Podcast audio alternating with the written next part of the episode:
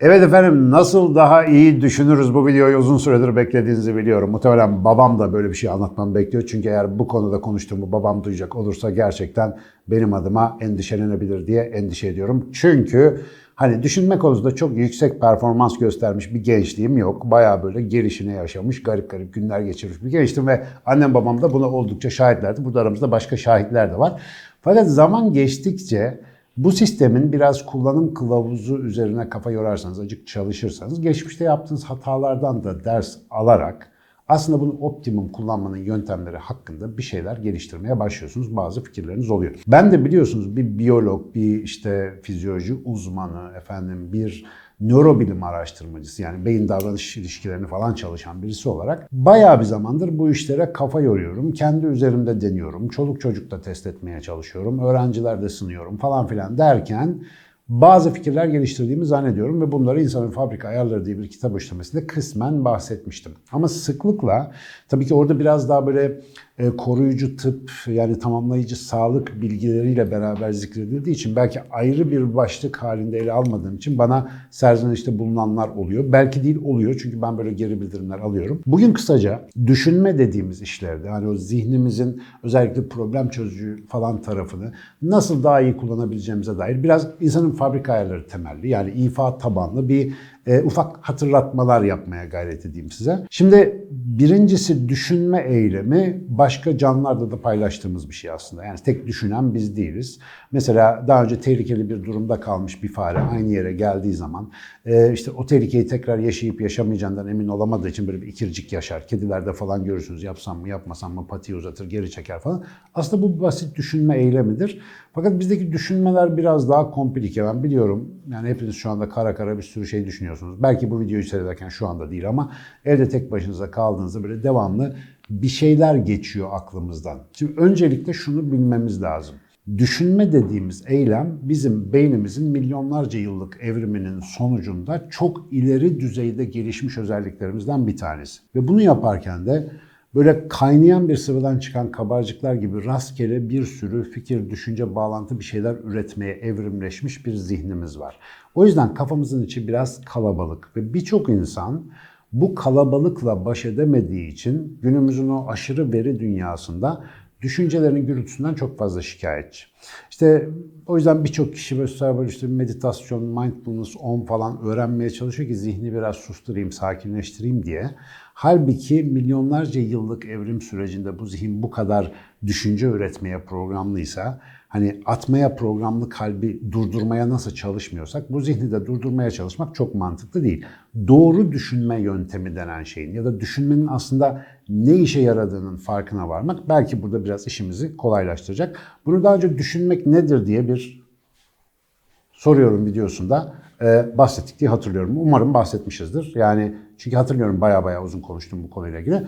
O soruyorum videosunu böyle yaptım. Buraya koyar inşallah arkadaşlar. Oradan görürsünüz. Göremezseniz de YouTube'da ararsanız zaten bulursunuz.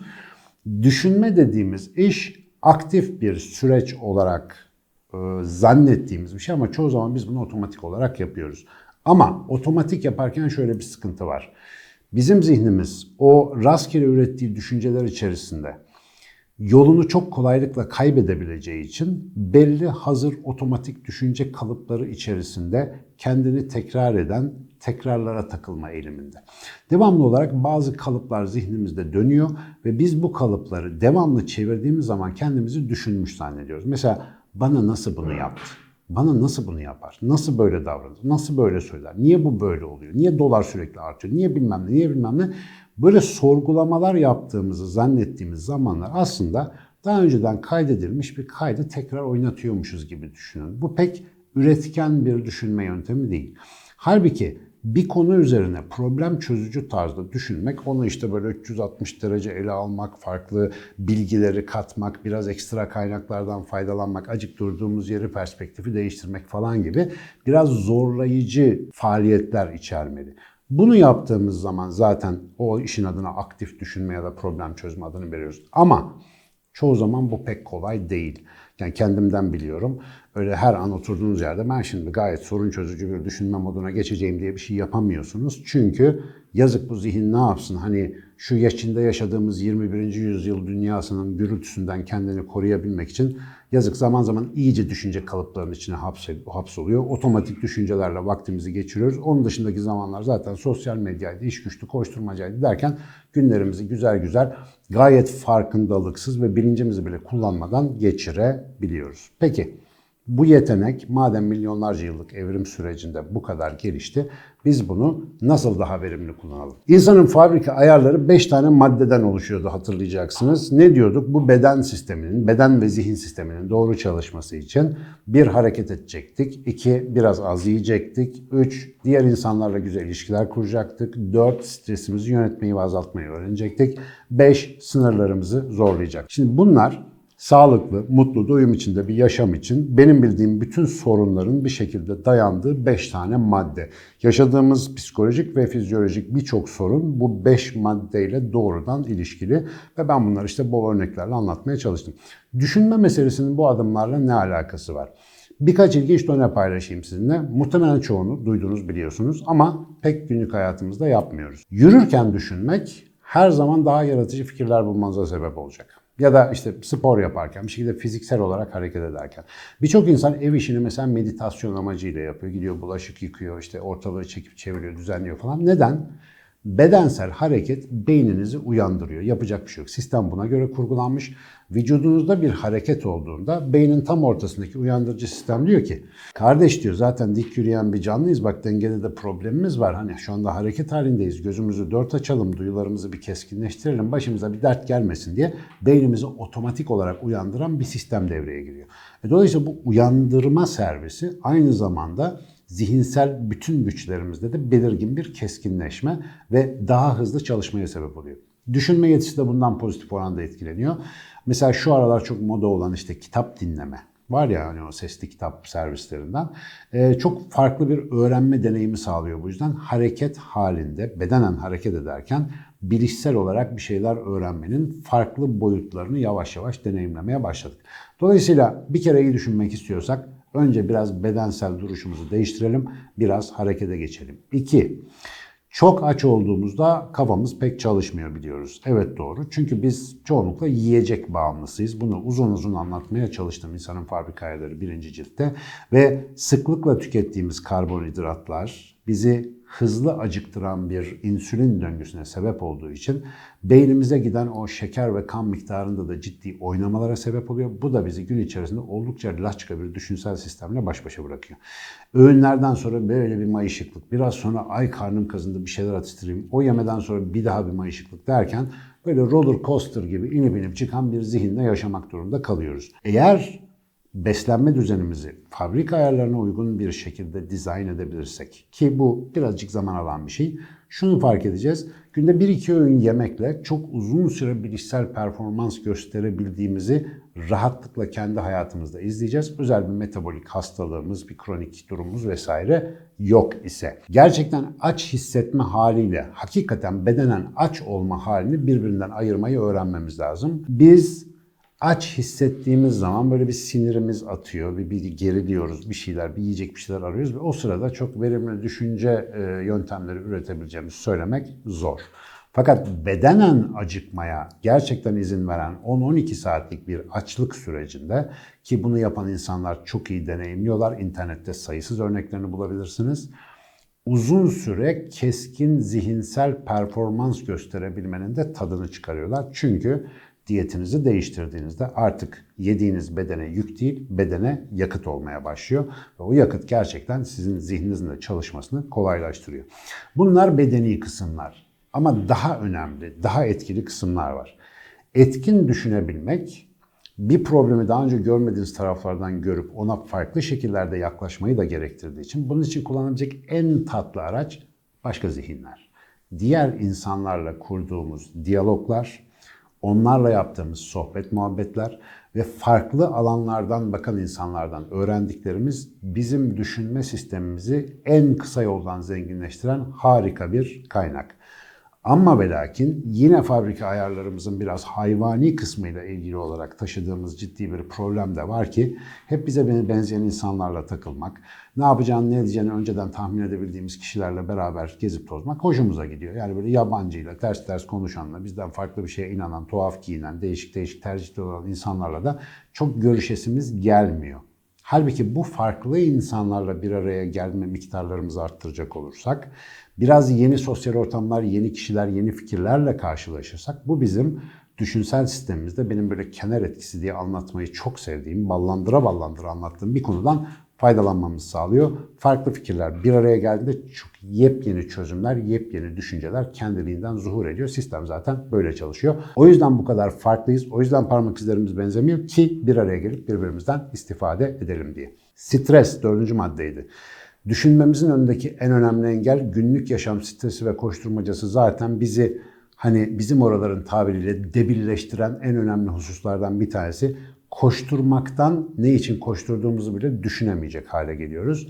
Hayatımızda stresi azaltıcı kararlar ve yöntemler. Mesela biraz daha programımızı, hayat akışımızı daha rahat yaşayabileceğimiz bir hale oturtturmak, gereksiz düşüncelerden sıyrılmanın yollarını öğrenmek, biraz kendimizle baş başa kalma pratiklerine hayatımızda bir tıkçık daha yer verebilmek, düşünsel performansımızı inanılmaz etkiliyor. Default Mode Network diye bir şey geçenlerde bir konferansta konusu hiç böyle sinir bilim psikoloji olmayan bir arkadaş bana aynen bu kelimelerle sorunca çok mutlu olmuştum. Artık harcı alem bir bilgi olarak gezmeye başladı. Hani o hiçbir şey yapmadığımızda yayıp yatarken beynimizin geçtiği özel çalışma durumu. Ona Default Mode Network ya da varsayılan durum şebekesi deniyor. Ne oluyordu hatırlarsanız o durumda? Biz hiçbir şey yapmazken, özel bir konuya odaklanmazken bir anda çözümsüz sandığımız sorunlarımızın çözümleri pat diye zihnimizde beliri veriyordu. Çünkü o aylaklık vari durum, o dinlenme hali, o stressizlik ve odaksızlık durumu zihnimizin milyonlarca yıldır çalıştığı bir konuda çok yüksek performans sergilemesine sebep oluyor. O da farklı doneler alıp birleştirmek ve ondan bir çözüm yaratmak.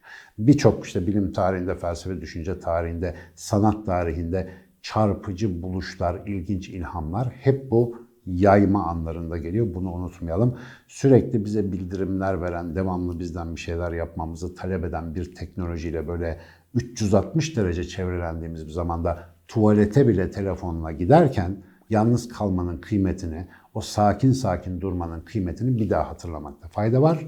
Ve tabii ki benim en favori fabrika ayarım 5. ayar sınırlarını aşma meselesi. Biz e, en başta da söylemeye çalıştım. Düşünmek zannettiğimiz şey çoğunlukla zihnimizdeki düşünce kalıplarını devamlı oynatmak, e, kayıttan çalmak tabiri caizse. Biraz bu bahsettiğim hareketlenmeleri, farklı insanlarla, farklı fikirlerle görüşmeleri vesaire hayatımızda arttırırken öte yandan da düşünce kalıplarımızı fark etmek, adına ben dediğimiz şeyin sınırlılıklarını görmek ve o sınırların üzerine gidecek içsel çalışmalar yapmak, biraz iç mühendislikte, kendi mühendisliğimizle uğraşmak düşünme tarzımızı baştan aşağı değiştirecek. Tabii bu ezberlerimizden, inançlarımızdan, yaşam tarzımızdan, görüşlerimizden, siyasi duruşumuzdan bir sürü şeyimizden taviz vermemizi ve oralarda dönüşmemizi de gerektirecek e, yeni dünyanın cesur insanları ne için var değil mi efendim? Yani bunlarla uğraşacaklar, kendilerini zorlayıp değiştirecekler ki dünya daha güzel bir yer olsun. Hepimiz daha ponçik bir evrende hep beraber el ele, kardeş kardeşe yaşayalım. Böyle de bitiş olur mu ya? Ama olsun. Bence güzel olur. İnsanın fabrika ayarları tarafından baktığınızda aslında sistem yeni düşünceler, yeni fikirler, yeni çözümler üretmek üzere optimize olmuş. Ama biz onu optimal kullanmadığımızda bu sistem bizim için iyi çalışmıyor. Herkesin Einstein olmasına gerek yok sevgili dostlar. Bir iyi düşünme falan deyince bilmem ne fiziksel işte bir problemi çözmek, Fermat'ın son denkleminin ispatını yapmak gibi bir düşünsel devrimden falan bahsetmiyorum. Bunlar bazı arızalı beyinlerin yaptığı ilginç şaklavanlıklar ya da gösteriler ya da sihirbazlıklar. Bunları eğlence için yapabilirsiniz ya da yapılanı seyredebilirsiniz. Esas sorun şu hayattan geçerken bu hayatı güzel ve verimli bir şekilde izleyerek, keyif alarak yaşayabiliyor muyuz? Yoksa o düşünsel tekrarlarımız devamlı bizi aynı hatalara mı sokuyor? Bu ikilemi bir fark etmek ve şu yaşama sanatı denen şeyin ağırlıklı olarak zihinsel bir mesele olduğunu biraz keşfedebilmek diye düşünüyorum. Bunu keşfettikten sonra isterseniz atom parçalayın, isterseniz hiçbir şey yapmayın. Bence çok da fark etmez. Yaşamın en büyük gizini hep beraber çözmüş olacağız inşallah. Yaşama sanatı bence en önemli düşünsel sorunumuz. Hadi hep beraber bu akşam biraz bu konu üzerine kafa yormak üzere en azından bir niyet edelim. Biliyorsunuz niyet her şeyin başlangıcı.